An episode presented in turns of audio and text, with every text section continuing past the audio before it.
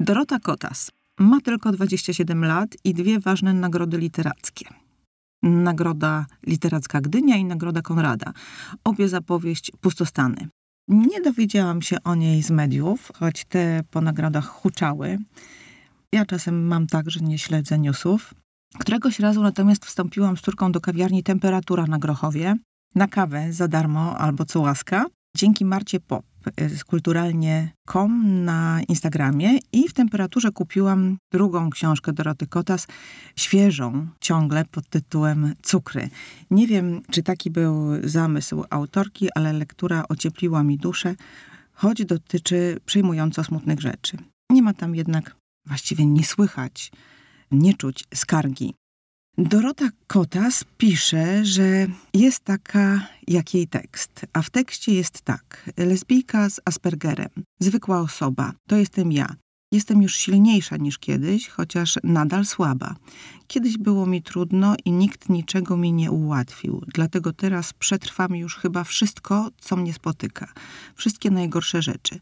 Cytując ważne słowa z ulicy, mam tylko taką radę. Nie trzeba wszystkiego rozumieć, wystarczy nie być chujem oraz nie ma litości dla chujowych gości.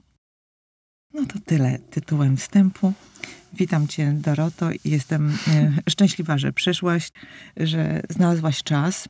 Dzień dobry, dziękuję za zaproszenie. Jesteśmy w małym studiu, w takim malutkim pomieszczeniu, jakie lubisz. Tak. Hmm. Nawet jest duże, bo tu jest jeszcze taki zapas miejsca. Dla ciebie mhm. duże, dla mnie przyciasne.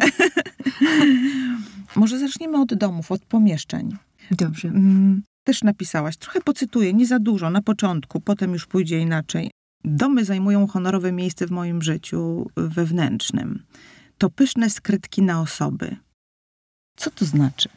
Że domy są skrytkami na osoby? Mhm. E, no, myślę, że wszyscy trochę się chowamy w naszych domach, że są to takie małe dziurki i no i każdy dom jest, każde mieszkanie jest takim trochę osobnym światem, e, które jest ułożone przez osobę, która tam mieszka. E, więc każde mieszkanie jest takim osobnym kosmosem wypełnionym rzeczami, ale też czyimś życiem. I dlatego mieszkania są bardzo ciekawe mhm. i takie malownicze. Ty miałaś sporo tych domów. Strasznie dużo. A liczysz? E, już przestałam, ale był taki moment, kiedy przeprowadzałam się co trzy tygodnie albo co miesiąc. No i ten etap na razie może spowolnił się, bo teraz e, mieszkam tak po dwa lata średnio w jednym mieszkaniu. Mhm. A to nie jest kłopotliwe? Jest, ale nie mam zbyt dużego wyboru, bo nie wybrałam takiego życia sama, chociaż mm, w pewnym momencie bardzo mi się podobało. Później trochę się zmęczyłam, ale no nadal nie było to takim moim wyborem, tylko trochę podyktowane tym, że nie mam swojego mieszkania. I trochę ląduję tam, gdzie mm, znajdę coś na ogłoszeniu, co jest wystarczająco tanie, żeby tam zamieszkać i w wystarczająco starym budynku, żeby mi się spodobało. Mm, Lubisz stare? No i tak. Lubię kamienice. Mhm. A za co lubisz to stare? Za to, że jest jakieś. Z jakąś historią do rozszyfrowania? Tak, ale też mm, lubię pomieszczenia, które są małe, ale wysokie i w których można zrobić dużo antresoli i jakichś drabin do wspinania się mm, wyżej i siedzieć pod sufitem. I, każdym... I lubię duże okna i takie szerokie parapety i te drewniane podłogi z taką jodełką. I za każdym razem urządzasz sobie ten dom? Tak.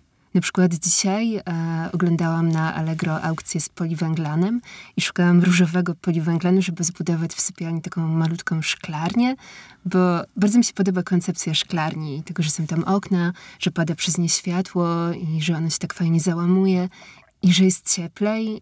No i w ogóle szklarnie są super, więc chcę zbudować w domu małą różową szklarnię na łóżko. Ale szklarnie są super, ponieważ wszystko świetnie szybko rośnie. Ponieważ to życie i Aha. ciepło, a miejsce zawsze zimno. Naprawdę? Tak. O właśnie, wspominasz w cukrach, że twoja dziewczyna zawsze miała, mhm. zawsze ma dla ciebie kocyk. Albo oddaje Albo sweter. polar. Albo polar, tak. No. no. Właśnie, ale słuchaj, nie zawsze kochałaś te swoje domy, bo ten dom rodzinny To nie E, był właściwie dom, tylko Mhm. jakiś epizod taki z przeszłości niezbyt miły. Ale długi. No niestety tak. Ale nie nazywam tego nawet domem. Może jakimś, nie wiem, miejscem, w którym się wychowałam, albo skończonym już etapem życia z rodzicami. Ale no, to raczej nie było nic przyjemnego. Mhm. Moja koleżanka, która też przeczytała twoje książki, powiedziała coś takiego, że to niesamowite, bo ona też ma takie poczucie, że czytanie tego, co napisałaś, ociepla jej duszę, chociaż nie powinno, bo to my powinniśmy ocieplać twoją najwyżej, dlatego, że tam jest no, sporo taki, takiego okrucieństwa, tylko, że ty mm, mówisz o tym jakby szeptem. I ja dodam, że rzeczywiście tam nie ma żadnej skargi, tam nie ma jakiegoś tam skowytu, tam nie ma jęku, tam nie ma dramatyzowania, a jednak no, doświadczyłaś dużo cierpienia. No tak, ale nie ma tam skargi, bo i tak uważam, że moje życie jest super. Jest e, najlepszą wersją siebie. I oczywiście jest w nim mnóstwo jakichś katastrof i mnóstwo tarapatów, ale mm, myślę, że nie mogłoby być lepsze w tym momencie. A dzięki czemu tak myślisz? Dzięki temu, że tak sobie urządziłam i że w końcu robię to, co chcę, czyli zajmuję się pisaniem, czasami dostaję za to pieniądze i mam działkę, na której mam drzewa, mam super psa znalezionego w lesie i kota znalezionego na schodach pod knajpą, którego ktoś wyrzucił, no i mam super dziewczynę. I myślę, że nie mogłam więcej wygrać. Ktoś powie, że to mało, ale w obliczu tego, co pisałaś, A A ile i- jest dużo? ale właśnie to jest bardzo dużo, tak.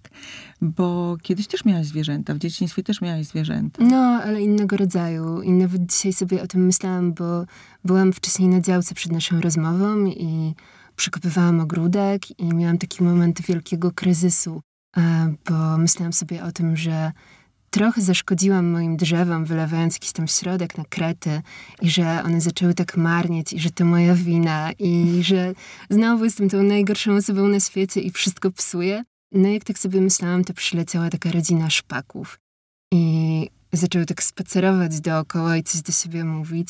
No i pomyślałam, że Boże, wszystko to jest takie nieważne i że ten świat i tak jakoś będzie działał i jakoś sobie poradzi. I Mimo wszystko. No, tak. Ale miałaś taką tendencję do tego, żeby, żeby się obwiniać? Tak, ale jednak mm, zauważam takie rzeczy, które mnie trochę wyciągają na powierzchnię za każdym razem. Nauczyłaś się tego? To jest takie ratunkowe trochę.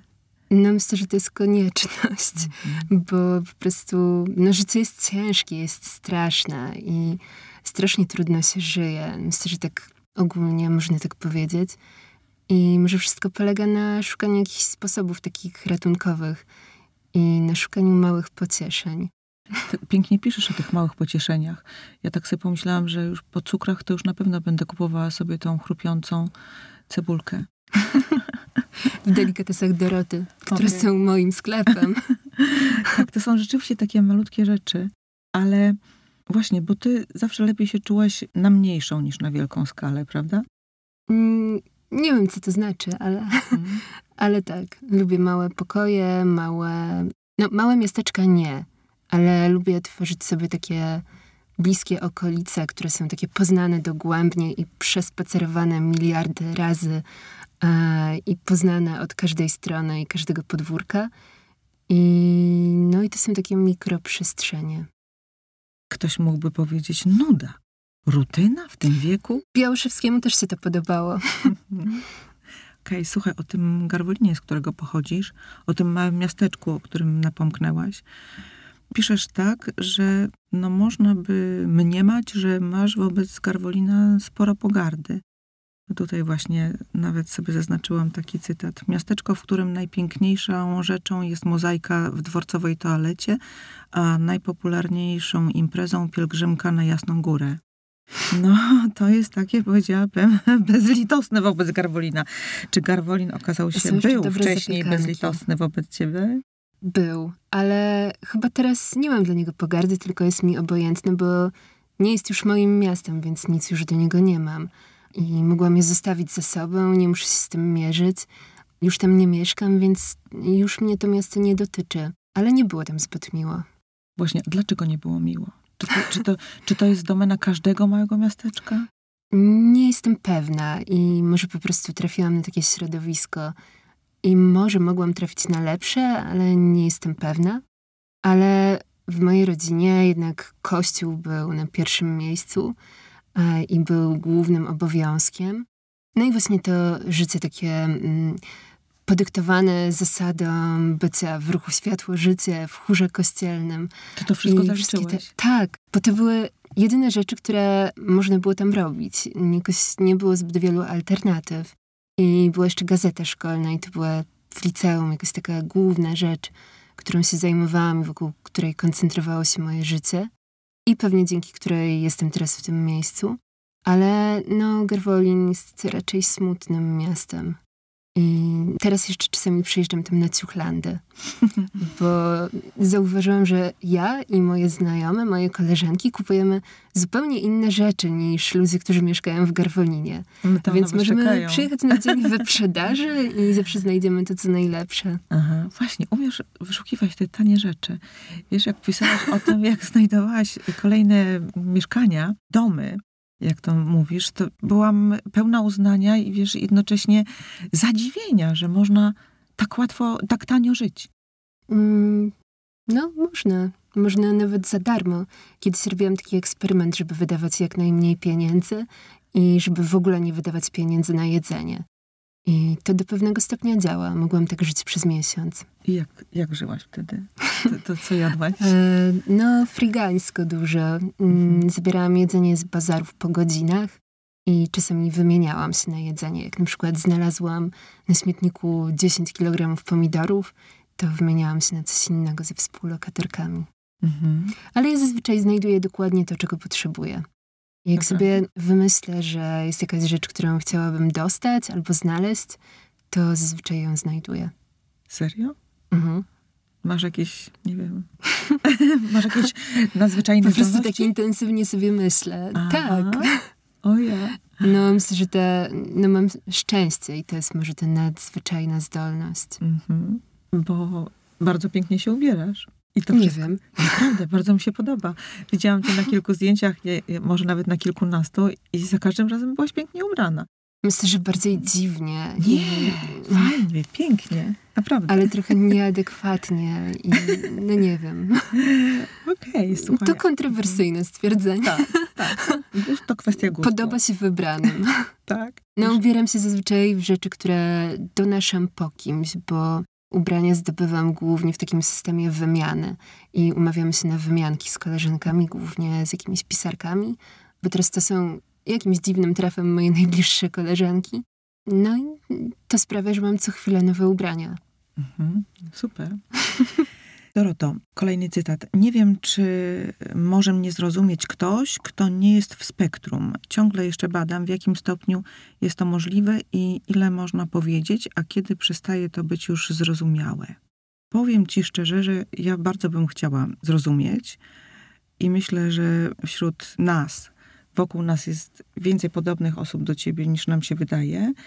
I też myślę, że ludzie, którzy teraz nas słuchają, też chcieliby zrozumieć. Bo mam takie poczucie, że czasem ludzie y, w spektrum najchętniej przemawiają do swoich, że się tak wyrażę, do takich, z którymi dzielą swoje doświadczenie. A ta reszta świata cały czas pozostaje w tym niezrozumieniu. I tak sobie No ale to pomyślałam... nie moja wina. No właśnie, ale teraz pomyślałam sobie, że dzisiaj to jest taka szansa, żeby trochę więcej zrozumieć. I może, jeżeli pozwolisz, to uczyniłabym z ciebie takiego przewodnika po, Uhuhu. tak, po tym świecie ludzi w spektrum autyzmu. Bo wiesz co, może zacznijmy od tego, kiedy ty się dowiedziałaś, że ty jesteś osobą w spektrum W autyzmu? wieku 26 lat. To późno. No, zazwyczaj tak jest mm, w przypadku dziewczyn, że jakoś nikt nie ma takiego pomysłu, żeby wysłać je na diagnozę. I dopiero w takim dorosłym życiu te dziewczyny same zaczynają się tym zajmować i interesować. I zastanawiać, dlaczego w ich świecie nic nie jest tak proste, jak mogłoby być. Jak jest y, w świecie osób y, wokół. Neurotypowych. Tak, neurotypowych, bo ty jesteś neuron nietypowa. Tak. Coraz częściej słyszymy mm, to określenie, ale niewiele osób wie, co to właściwie znaczy. No to ja myślę, że najlepszym rodzajem takiego bycia przewodnikiem jest po prostu dla mnie to, żeby ktoś przeczytał moją książkę. I to chyba najlepiej zadziała, niż kiedy ja to opowiem. Mhm. Bo chyba nie da się tak w kilku zdaniach powiedzieć, na czym polega bycie w spektrum. Bo musiałabym po prostu opowiedzieć o tym, jak działa mój mózg. A to jest tak, takie bardzo sytuacyjne i mm, myślę, że wymaga bardzo wielu przykładów i odniesień do każdej dziedziny życia. Mhm. Twoja książka mm, jest taka drobiazgowa. Właściwie można powiedzieć, że opisuje mały świat, małe sytuacje, drobne sytuacje, ciasne miejsca, ale tam jest ale nie takie... Jest Nie, nie, nie, nie. Ale tam jest takie nagromadzenie szczegółów, że rzeczywiście mhm. dużo się można z tego dowiedzieć. To, to niewątpliwie tak jest. I tam zresztą też napisałaś, to pewnie nie, nie raz, że wolisz pisać niż, niż mówić. Tak. Ale muszę powiedzieć, że całkiem nieźle ci idzie. Jestem ci za no, to bardzo wdzięczna. tak naprawdę no. koncentrować no. i mm-hmm. jakoś mobilizować, wchodzić w stan takiej mobilizacji, bo to nie jest dla mnie naturalne. I najchętniej odpowiadam ludziom na pytanie jednym słowem. Na przykład mówię tak. Mm-hmm. I to trochę zamyka temat, ale nie zawsze czuję, że mam coś do dodania i że koniecznie muszę rozwinąć swoją wypowiedź mm-hmm. i mhm bardzo sobie to narzucam i cały czas myślę, dobra, dobra, jeszcze coś powiedz, jeszcze coś powiedz. I to jest taki mój wewnętrzny głos, który gdzieś tam cały czas mi towarzyszy. A potem zresztą czujesz się bardzo zmęczona. Tak i w ogóle jakoś boli mnie szczęka, jak tak dużo mówię, bo nie jestem do tego specjalnie przyzwyczajona i teraz faktycznie udzielam bardzo wielu wywiadów i mam jakieś spotkania autorskie, głównie polegający na tym, że mówię do komputera i ktoś mnie ogląda w komputerze, ale no to nie jest dla mnie taka oczywista sytuacja na co dzień. Mogę przez cały dzień się do nikogo nie odzywać. Nie cierpisz z tego no, to powodu. To jest takie zwyczajne. Mhm. Ale jednak nie jesteś samotna. Nie. Ale jakoś nie mam potrzeby specjalnie rozmawiania. Opisywanie autyzmu jako choroby, a autystycznych osób jako cierpiących, co jest w Polsce powszechne, to jest błąd? No, myślę, że są różne przypadki, bo to jest spektrum autyzmu i faktycznie są tam osoby, które są niesamodzielne, nie mówią, no i nie są w stanie funkcjonować mm, w takim zwykłym życiu bez wsparcia jakiegoś opiekuna. A są też osoby takie jak ja, które jakoś tam sobie radzą i którym może jest ciężko, ale ogólnie tak patrząc z zewnątrz jakoś to działa właśnie takie osoby teoretycznie powinny trzymać się domu, rodziny, a ty w pewnym momencie powiedziałaś ja się nie. trzymam. Tak. Przecież mam psa, kota i żonę. To, są, to jest twoja nowa rodzina. No, mam jeszcze przyjaciół i moja rodzina jest tak naprawdę bardzo duża, ale jest taką rodziną z wyboru. I wydaje mi się, że to jest zdrowe, bo ja trochę nie kupuję tej koncepcji, że mam się urodzić w otoczeniu jakichś ludzi, którzy w ogóle nie są tacy jak ja i w ogóle mnie nie rozumieją. I ta koncepcja, że mam spędzić z nimi całe życie i utrzymywać kontakt, jest taka, no myślę, że przereklamowana. Mhm. Słuchaj, a czasem się porównujesz do innych osób w spektrum? Czy można powiedzieć, że... Porównuję się ciągle i nie tylko do osób w spektrum. Prawda, ale to przekleństwo. to prawda. Ale czasami też z takiej ciekawości i na zasadzie zauważenia tych różnic i tyle. A nie szukasz raczej podobieństw z ludźmi, którzy mają podobne doświadczenia? Szukam. I coś ci to daje? Coś ci to załatwia? Sama nie wiem. Nie jest to też jakieś moje główne zajęcie, ale lubię zauważać podobieństwo i mm, lubię ludzi, którzy są podobni do mnie. Chyba tak. Ja pamiętam w 2015 roku kiedy u nas nastała dobra zmiana, osobiście wpadłam w popłoch. Przestałam wierzyć w to, że ludzie są mimo wszystko do siebie bardzo podobni i stwierdziłam, że żeby się jakoś uratować, żeby się nie pogrążyć w smutku, w, w strachu, to trzeba właśnie trzymać się ludzi, którzy są do nas podobni w, w sposobie życia i w sposobie myślenia. No, dla mnie może nawet ci ludzie nie muszą być tacy sami jak ja, żeby było dobrze, ale muszą mi nie przeszkadzać Mhm. i nie być jacyś inwazyjni e, i nie wpływać na mnie negatywnie. I chyba to mi wystarcza. Jak rekonstruowałaś swoje dzieciństwo w Garwolinie, to tam padło wiele takich opisów sytuacji, które mogą być udziałem bardzo wielu osób w dzieciństwie właśnie. Jakby nikt nie chciał cię słuchać, nikt nie chciał przyjąć do wiadomości, że Bo dzieci Wolisz- głosu nie mają. bardziej ci głosu nie mają właśnie. I czy ty wtedy bardzo cierpiałaś, czy nie rozumiesz, że cierpisz? Myślę, że cierpiałam i myślę, że dzieciństwo jest cierpieniem. Chyba tak możemy powiedzieć z okazji Dnia Dziecka. Mhm. Dzieciństwo jest straszne i nie chciałabym już do tego wrócić. Bo to jest czas, kiedy nikt się z nami nie liczy i kiedy musimy robić tylko to, czego ktoś od nas chce i w taki sposób, w jaki ktoś inny sobie wymyśli. To jest zero decyzyjności, najczęściej. Może są jakieś wyjątki, ale chyba najczęściej po prostu robimy to, co się nam każe.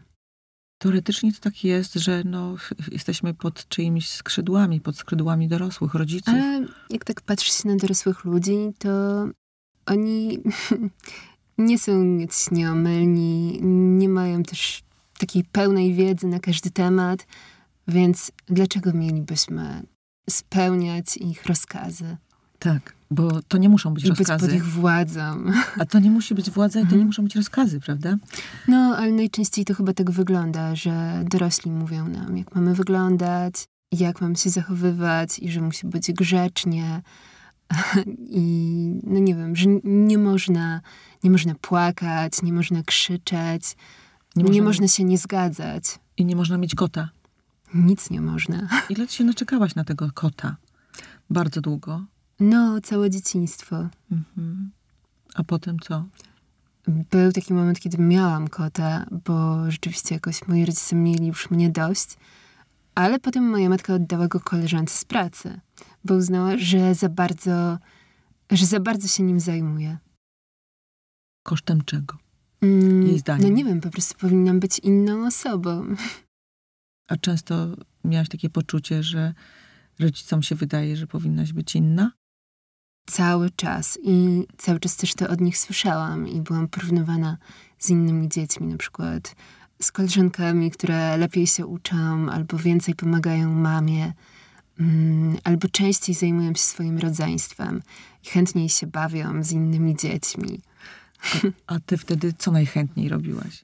No, siedziałam w pokoju, czytałam książki i rysowałam. Czyli nie potrzebowałaś ludzi specjalnie, Nie, rówieśników? ale też nikomu nie przeszkadzałam, a i tak wszystkim to przeszkadzało. Nie To dawałam ci jest spokoju. straszne. Mhm. Wiesz, kiedy o tym czytałam, to myślałam sobie, zaraz przenosiłam to na swoje doświadczenia macierzyńskie, bo mam dwoje dzieci. Ile mają lat? 17,5 i 15 skończone. Zaczęłam szybko rekonstruować w głowie, kiedy ja próbuję na nich wymuszać różne Mhm. rzeczy.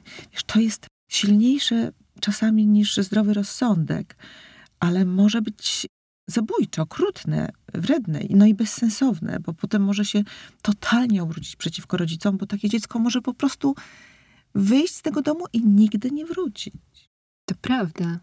I tak to jest sytuacja takiego strasznego uwikłania, że mieszkamy z naszymi rodzicami i jakoś musimy być im wdzięczni za to, co od nich dostajemy, a nie możemy mieszkać sami i w sumie nie jest to nasza wina ani nasz wybór, ale jakoś jest w tym taki system wielkiej zależności i mm, no i właśnie na tym też polega władza i częściowo przemoc. Bo ty, Doroto, przecież nie byłaś krnąbrnym dzieckiem. Może byłam. W takim klasycznym sensie? Na pewno byłam dzieckiem, które miało swoje zdanie i było go pewne. I to jest chyba też trochę autystyczne, że mój umysł jest trochę ograniczony, może, może jest gdzie indziej otwarty, ale bardzo trudno jest mi uwierzyć w to, że nie mam racji. E, bo najczęściej wiem, że mam rację i trudno jest mi wyobrazić sobie, że ktoś może mieć inną.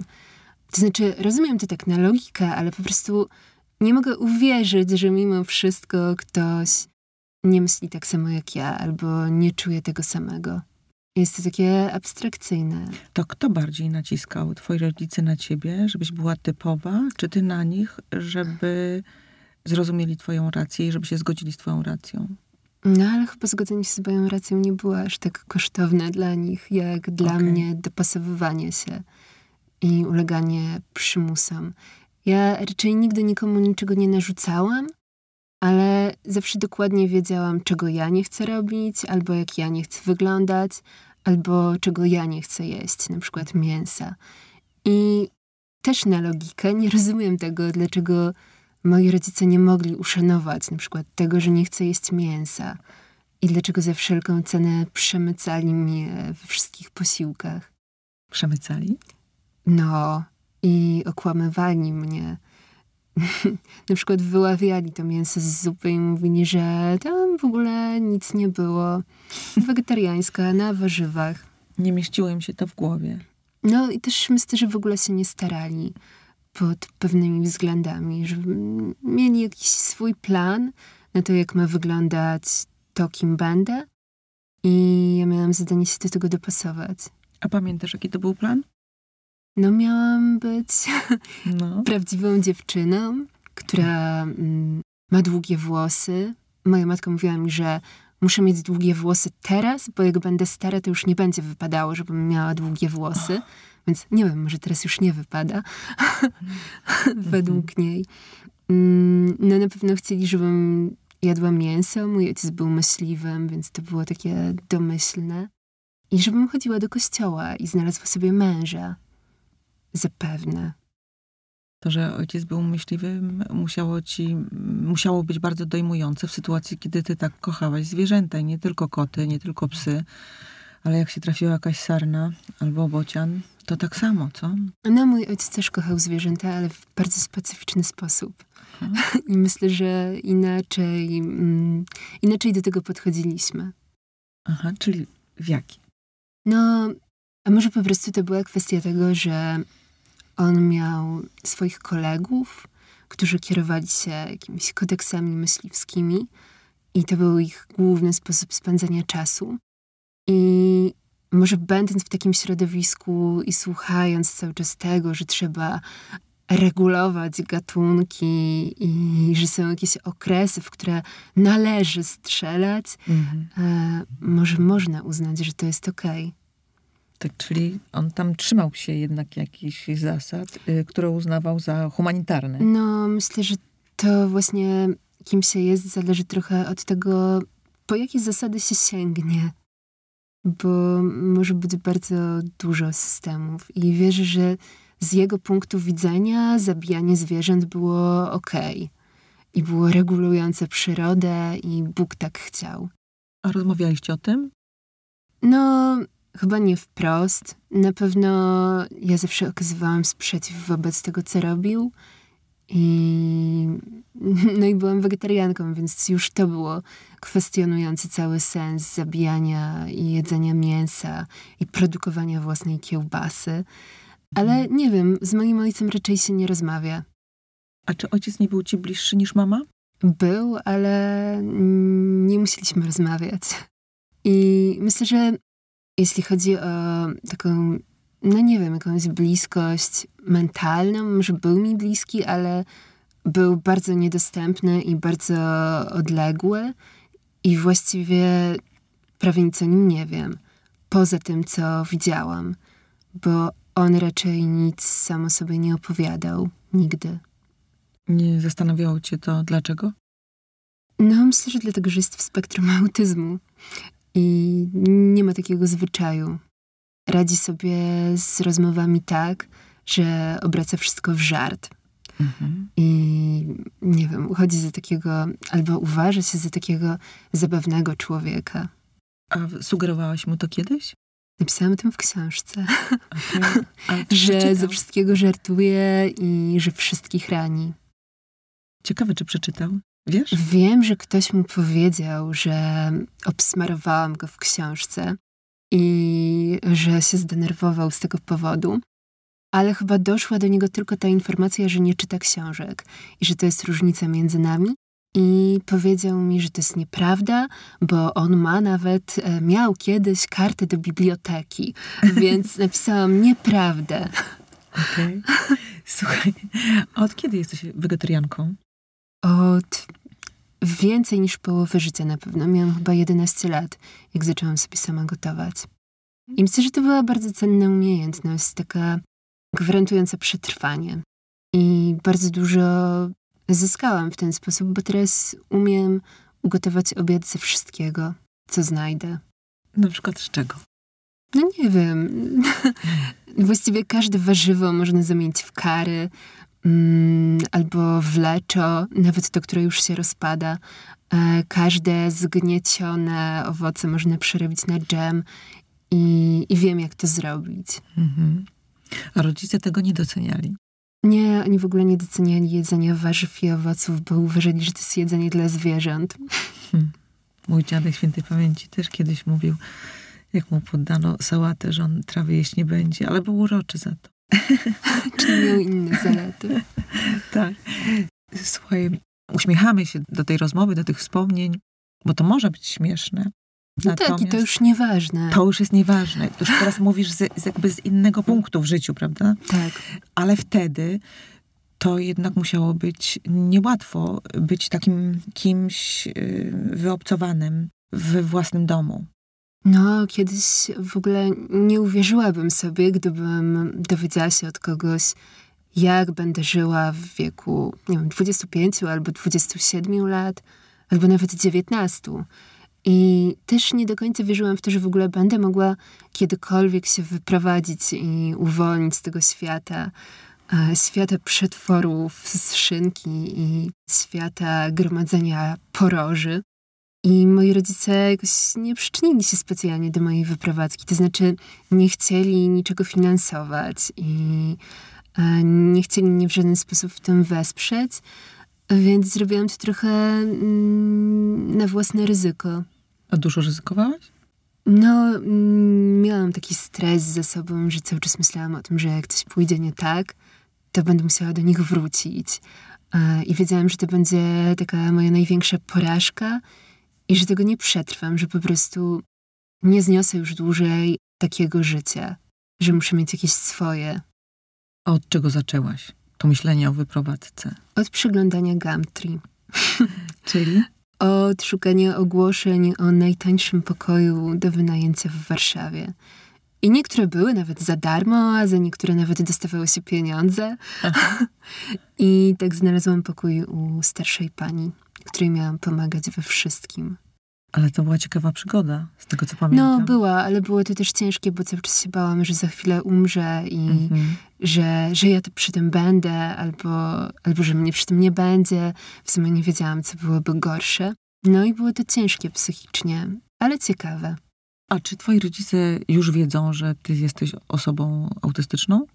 No, chyba wiedzą, że napisałam drugą książkę, tak mi się wydaje. I że ich obsmarowałam. Okej.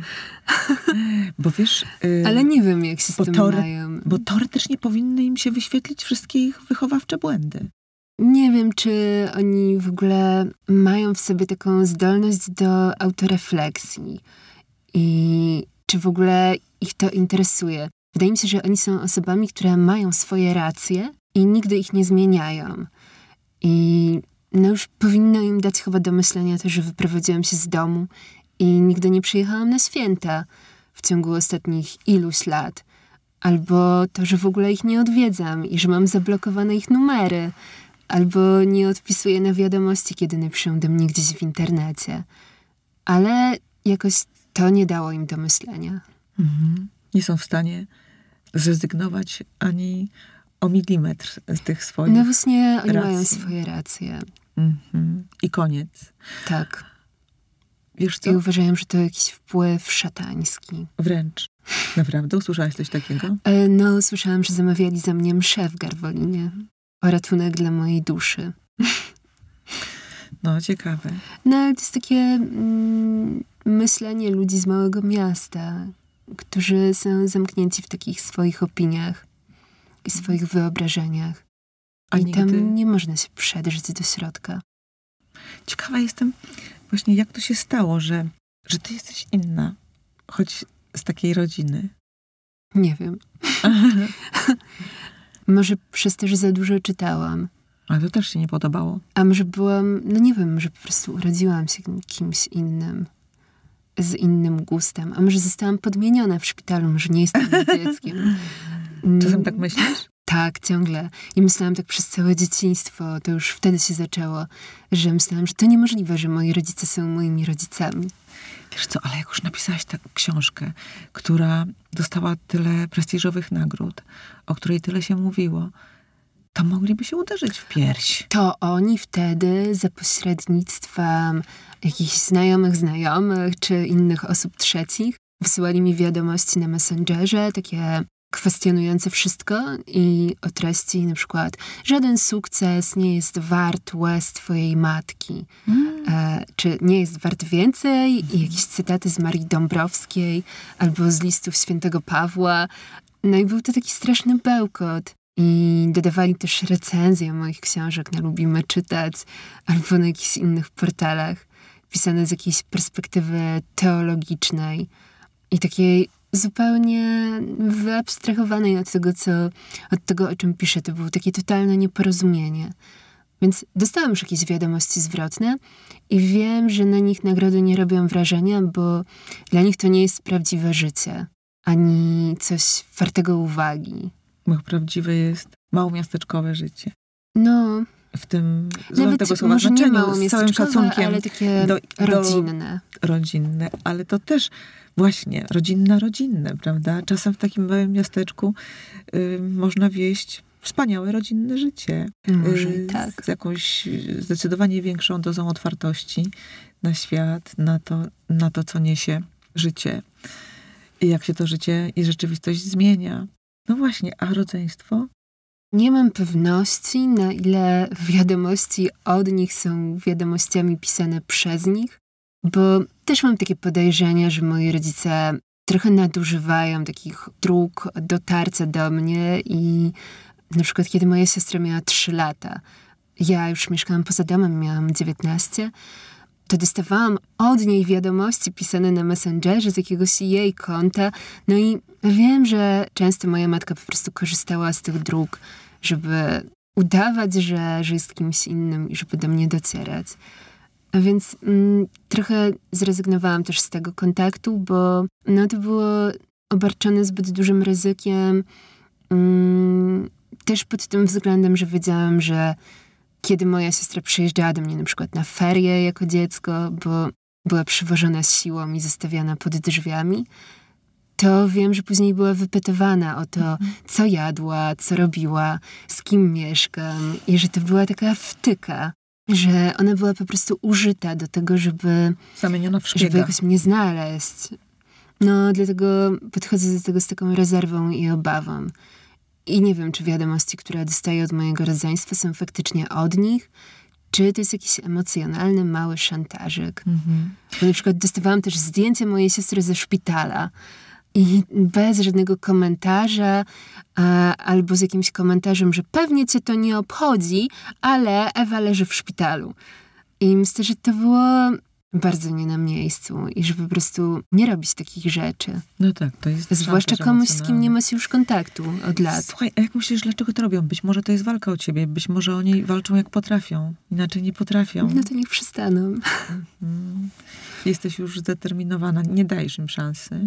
No, nie widzę takiej możliwości, żeby utrzymywać z nimi kontakt. Myślę, że byłoby miło mieć spoko rodziców i móc nie wiem, przyjechać do nich w weekend, ale moi rodzice nie są tymi osobami, które mogłyby być miłe i z którymi można byłoby normalnie rozmawiać. A to, że mm. cały czas szukają kontaktu, wynika z tego, że... Nie szukają cały czas. Nie? Zdarzyło im się kilkukrotnie. Okej. Okay. Myślisz, że robi to ze względu na ciebie czy na siebie? Myślę, że na siebie. Tylko i wyłącznie. Bo myślę, że nikt, kto chciałby rzeczywiście nawiązać kontakt z takim zauważeniem tej drugiej osoby, nie zjawiałby się na przykład pod jej domem i nie taranował drzwi, krzycząc, że chce zobaczyć swoje dziecko. Myślę, że w sytuacji, kiedy to dziecko zamyka się w domu i dostaje ataku paniki, myślę, że dorośli ludzie, którzy liczą się z drugą osobą, po prostu nie robią takich rzeczy w takiej atmosferze histerii i jakiegoś prawie włamania. Jeszcze bym na chwilę wróciła do, do tego czasu, kiedy mieszkałaś w Garwolinie z rodzicami. Czy ty podejmowałaś jakieś próby, żeby do nich dotrzeć ze swoimi racjami, albo ze swoimi odczuciami, albo ze swoim światem? Raczej nie, bo oni wyśmiewali wszystko, co robiłam. I czułam się skreślona pod każdym względem. Czułam, że nie ma na to przestrzeni, nie ma na to miejsca. Więc wolałam zwracać się do takich obcych osób, na Mhm. przykład pisząc bloga i jakoś uzewnętrzniając się czy opowiadając o swoich emocjach osobom, których nie znałam. Ważne były dla mnie takie postaci nauczycielek, które stawały z takimi, mm, no nie wiem, ikonami, e, jakimiś wzorcami życia, ale sami rodzice raczej krytykowali wszystkie moje wybory, wszystkie moje, no nie wiem, zajęcia i nie widziałam, żeby mieli w sobie taką gotowość, żeby gdzieś się w tym spotkać. A wtedy odczuwałaś taką potrzebę bycia lubianą, akceptowaną. To tak, takie... ale miałam od tego inne osoby niż moi rodzice. Okej, okej. A teraz? Teraz też mam od tego inne osoby. Ale dostajesz to. Dostaję tego bardzo dużo. A kiedy to się zmieniło? Wtedy, kiedy wyjechałaś z domu? Myślę, że tak, ale myślę, że zawsze to miałam od jakichś osób. Na zewnątrz. I może to było gwarantujące przetrwanie. Bo jednak miałam takie osoby, które były bliskie i z którymi, nie wiem, nawet pisałam na gadu-gadu. I to była jakaś forma wsparcia. Mhm. Miałaś taką potrzebę, żeby jednak dostać głask albo właśnie akceptację. Tak, Mhm. to jest chyba naturalne, chyba Tak. każdy to ma. No tak, jasne. Nienaturalne jest, jeśli tego nie dostaje, prawda? Pewnie tak. Nigdy nie przejmowałam się granicami gatunków ani granicami płci. W moim świecie wszystko jest bardzo płynne. Mało zwracam uwagę na takie rzeczy. I tutaj jeszcze dalej piszesz ciekawie. Ja tutaj sięgnę po książkę.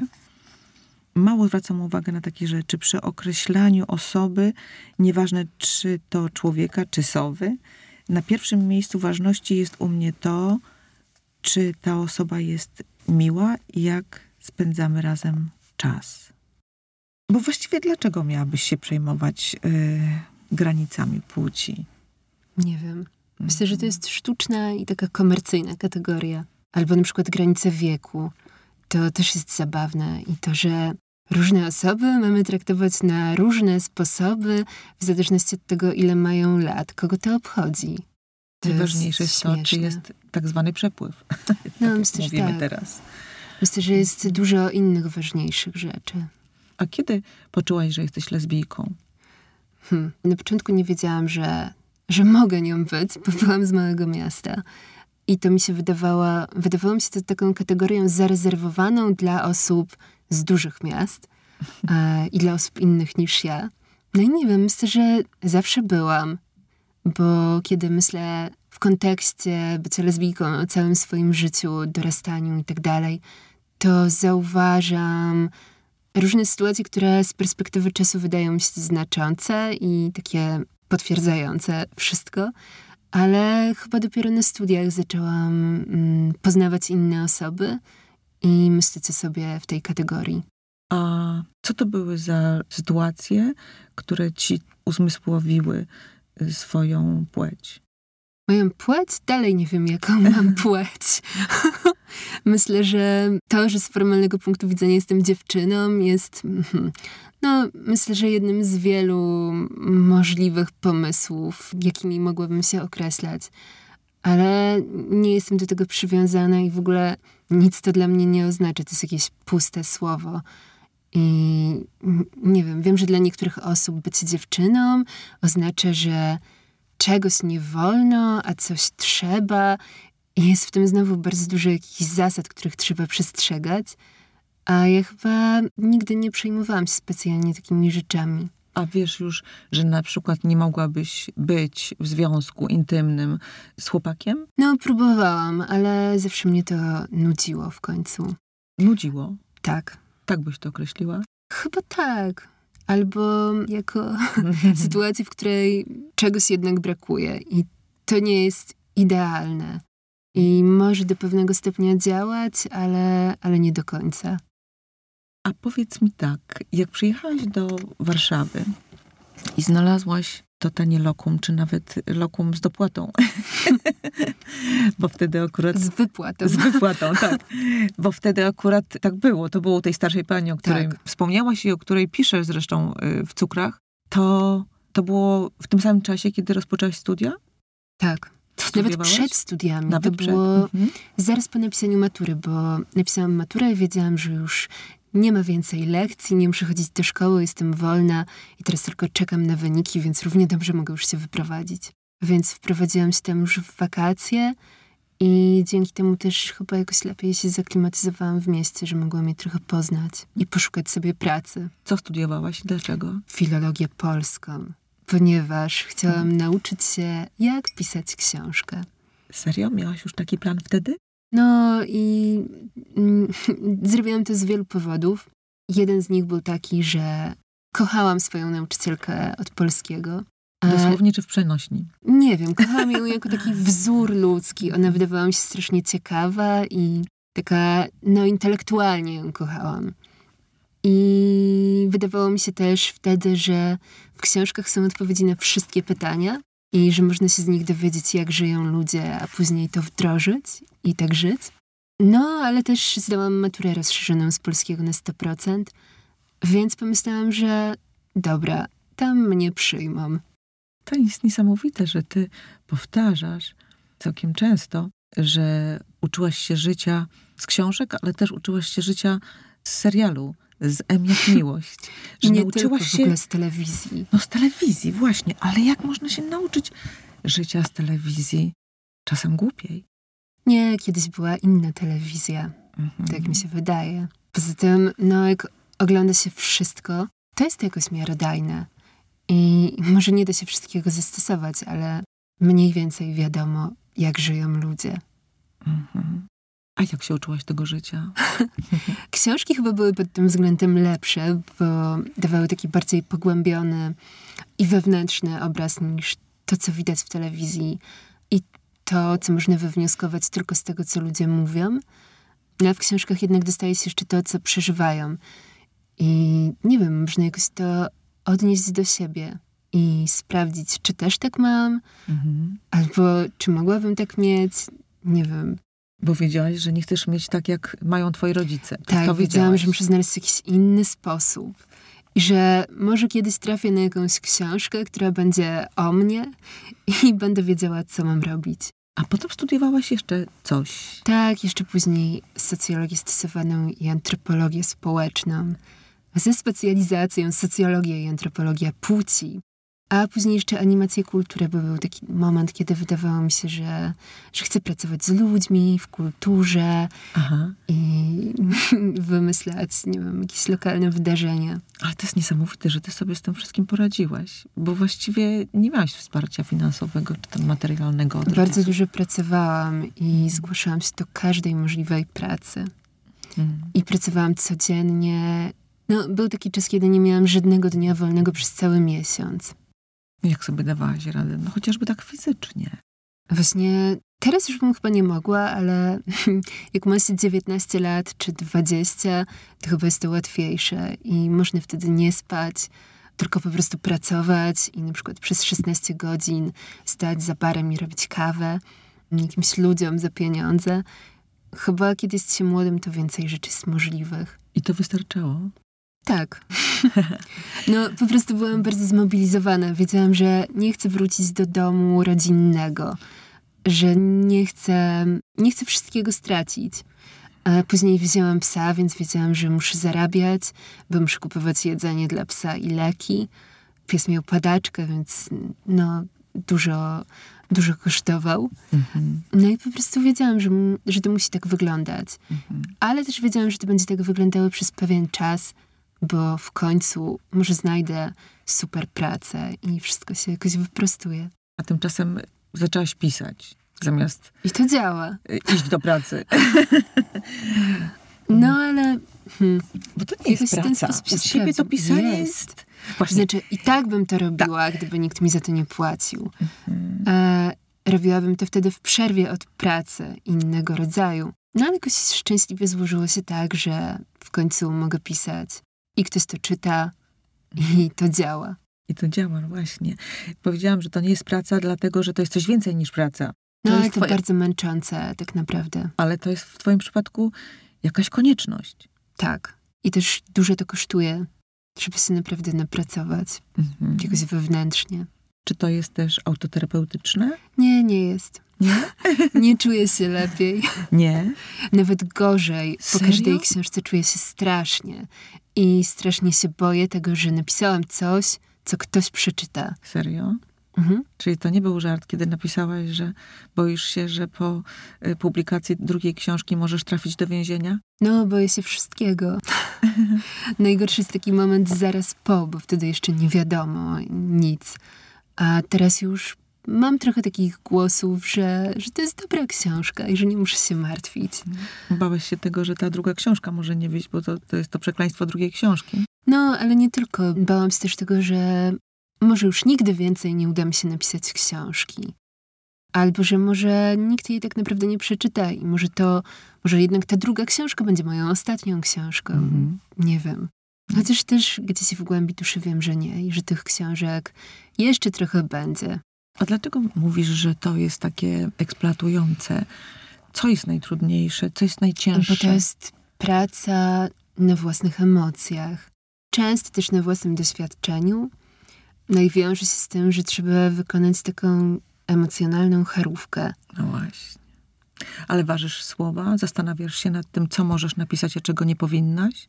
W tej książce nie. Mhm. Po prostu napisałam. Długo piszesz? Bardzo szybko. Ale długo się zbieram i czekam do ostatniej chwili. A powiedz, jak jest teraz? Jak żyjesz i czy jesteś szczęśliwa? Powinnam być, bo mm, żyję dobrze i chyba dużo daje mi to, że spędzam czas w ogródku, wykonuję dużo ciężkiej fizycznej pracy i jakoś mało myślę. I mam ten swój fragment, tę działkę, na której mogę sama wymyślać, jak będzie wyglądać, jakie będą tam panować zasady i jaki porządek. Ale nie jestem w zbyt dobrym stanie, ale jestem też w lepszym niż zaraz po premierze albo w trakcie pisania. Mhm. A co ma wpływ na twoje samopoczucie? Dobór leków, Okej. ale też to, czy jest lato, czy zima, Co do pewnego stopnia. Lato, Żeby rosło. żeby ciągle był upał. I żeby rosło w ogródku, jak rozumiem. No, no i też wpływ ma to, czy muszę się martwić o to, czy będzie mnie stać na to, żeby, żeby żyć, Mhm. czy mogę o tym nie myśleć przez jakiś czas. Jednak niemyślenie o tym też daje duży komfort. No na pewno. A dzięki temu, że dostałaś te nagrody, y, jest trochę lżej? Zdecydowanie tak. Myślę, Mhm. że to też sprawiło, jakoś zapewniło mi przetrwanie. A potrafisz być oszczędna, jak spływa na ciebie Strasznie. większa Jestem gotówka? ogromnie oszczędna. I nawet za każdym razem, jak mam sobie kupić coś nowego, to mam taką zasadę, że próbuję sprzedać coś, co mam w domu, żeby jakoś zrównoważyć ten przepływ rzeczy.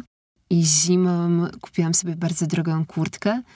Najpierw przez pół roku myślałam o tym, że na nią nie zasługuję, a później stwierdziłam, że spróbuję na nią zarobić i sprzedać większość swoich ubrań ze swojej szafy.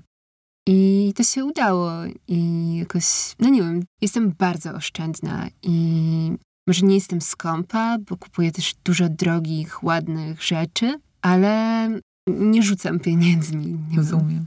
Musiałabym przyjść kiedyś do ciebie na jakieś korepetycje, a może warsztaty z tego, jak...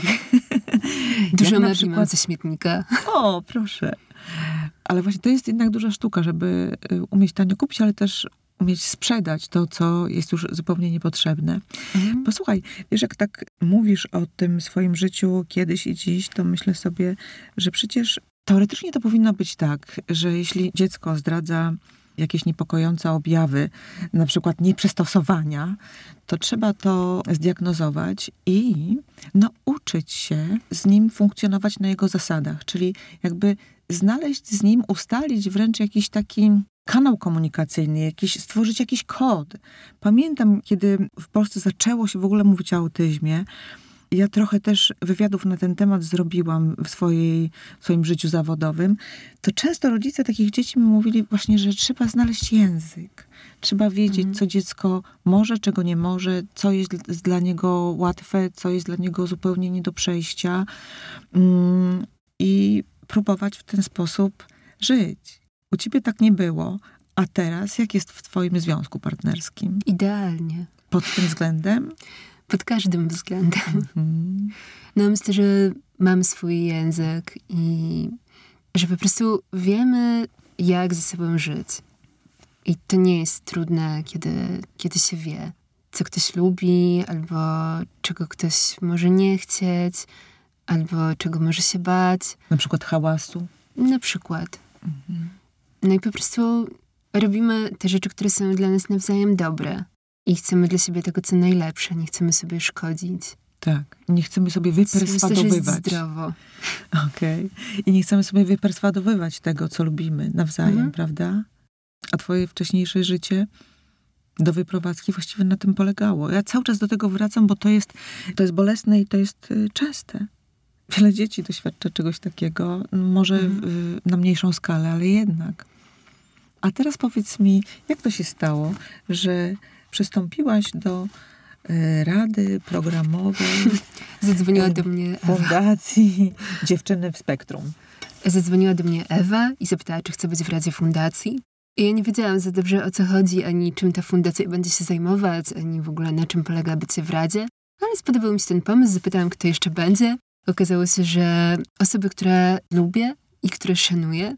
I uznałam, że chętnie mogę być. I że może to będzie jakaś kolejna dobra rzecz, którą mogę robić. No i wiem, że to jest ważne, żeby zajmować się tym tematem, więc chciałabym robić coś ważnego. A czym się zajmujecie przede wszystkim? No, głównie są to takie działania edukacyjne. Jest też festiwal pasjonatki i spotkanie z kobietami w spektrum, które robią ciekawe rzeczy, ale też z ekspertami, ekspertkami bez względu na neurotyp. A jak to jest? Czy wy się nie zamykacie w swoim świecie? Czy to nie jest tak, że najchętniej, najczęściej chodzisz na rozmowy, rozmawiasz z, z ludźmi ze swojego środowiska? Nie, a myślisz, że ty jesteś z mojego środowiska? No Pani z telewizji, z TVN Style? Hmm. wiesz?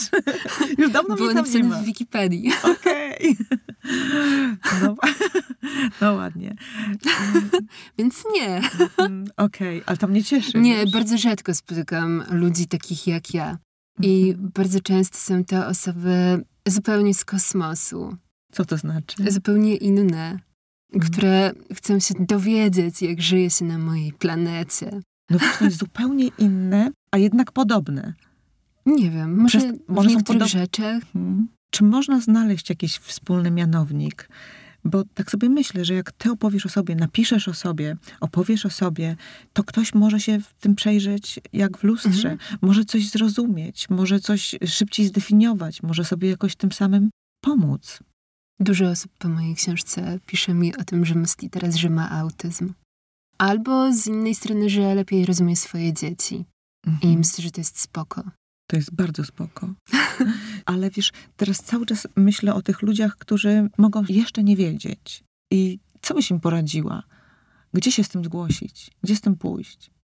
No, jeśli chodzi o formalne diagnozy, to można to zrobić, ale, ale jest to ciężki temat, trudno się dostać, dużo się płaci i właściwie nic z tego nie ma poza zapewnieniem, że tak, rzeczywiście ma pani autyzm i z jakimś opisem na dwie strony, co to oznacza, na podstawie tego, co się wcześniej powiedziało, więc no nie wiem, myślę, że w każdym przypadku, czy ma się ten autyzm, czy się go nie ma, to dobrze jest po prostu o siebie dbać i dowiadywać się o sobie jak najwięcej i szukać jakichś swoich sposobów na to, żeby czy się go ma, czy się nie ma, to żeby żyło nam się dobrze.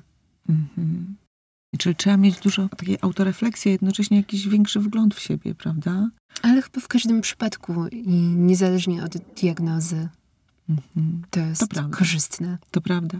Wiesz co? Tak sobie myślę, że jednak wykonałaś nieprawdopodobną pracę i wykazałaś się niesamowitą determinacją, że możesz żyć według własnych reguł, na własnych zasadach. I, Wszyscy możemy. I właśnie, ale wiesz, ty nam to pokazujesz dobitniej. Tobie było trudniej osiągnąć taki stan. A może też łatwiej, Bo? bo? miałam gorszy punkt startowy i to było takie, że już nie chcę tym być, już nie chcę być w tym domu, już nie chcę być z tymi ludźmi. Muszę zmienić wszystko. Mhm. Muszę zmienić wszystko. Bo to jest tak, że czasami coś nas poddusza, czasami coś nas unieszczęśliwia, czasami coś nas no, bardzo męczy, a jednak nie jesteśmy w stanie zrobić ruchu, żeby to zmienić. No ja mam tak, że ja wiem, że bardzo łatwo się męczę i bardzo na mnie wpływa to, kiedy jestem w jakimś nieprzyjaznym środowisku albo, nie wiem, w kontakcie ze sobą, która czuje, że mnie nie lubi. I ja natychmiast się wycofuję i bardzo szybko odcinam takie sytuacje. Mhm.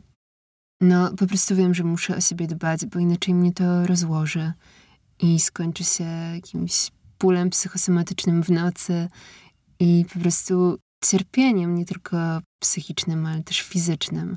Że to się po prostu odbije na wszystkim i że muszę robić wszystko tak, żeby było dobrze. Czyli wiesz, co ci nie służy i wiesz, ym, że musisz to omijać szerokim łukiem, mówiąc dos, dosadnie, żeby dobrze żyć. Tak. Mhm.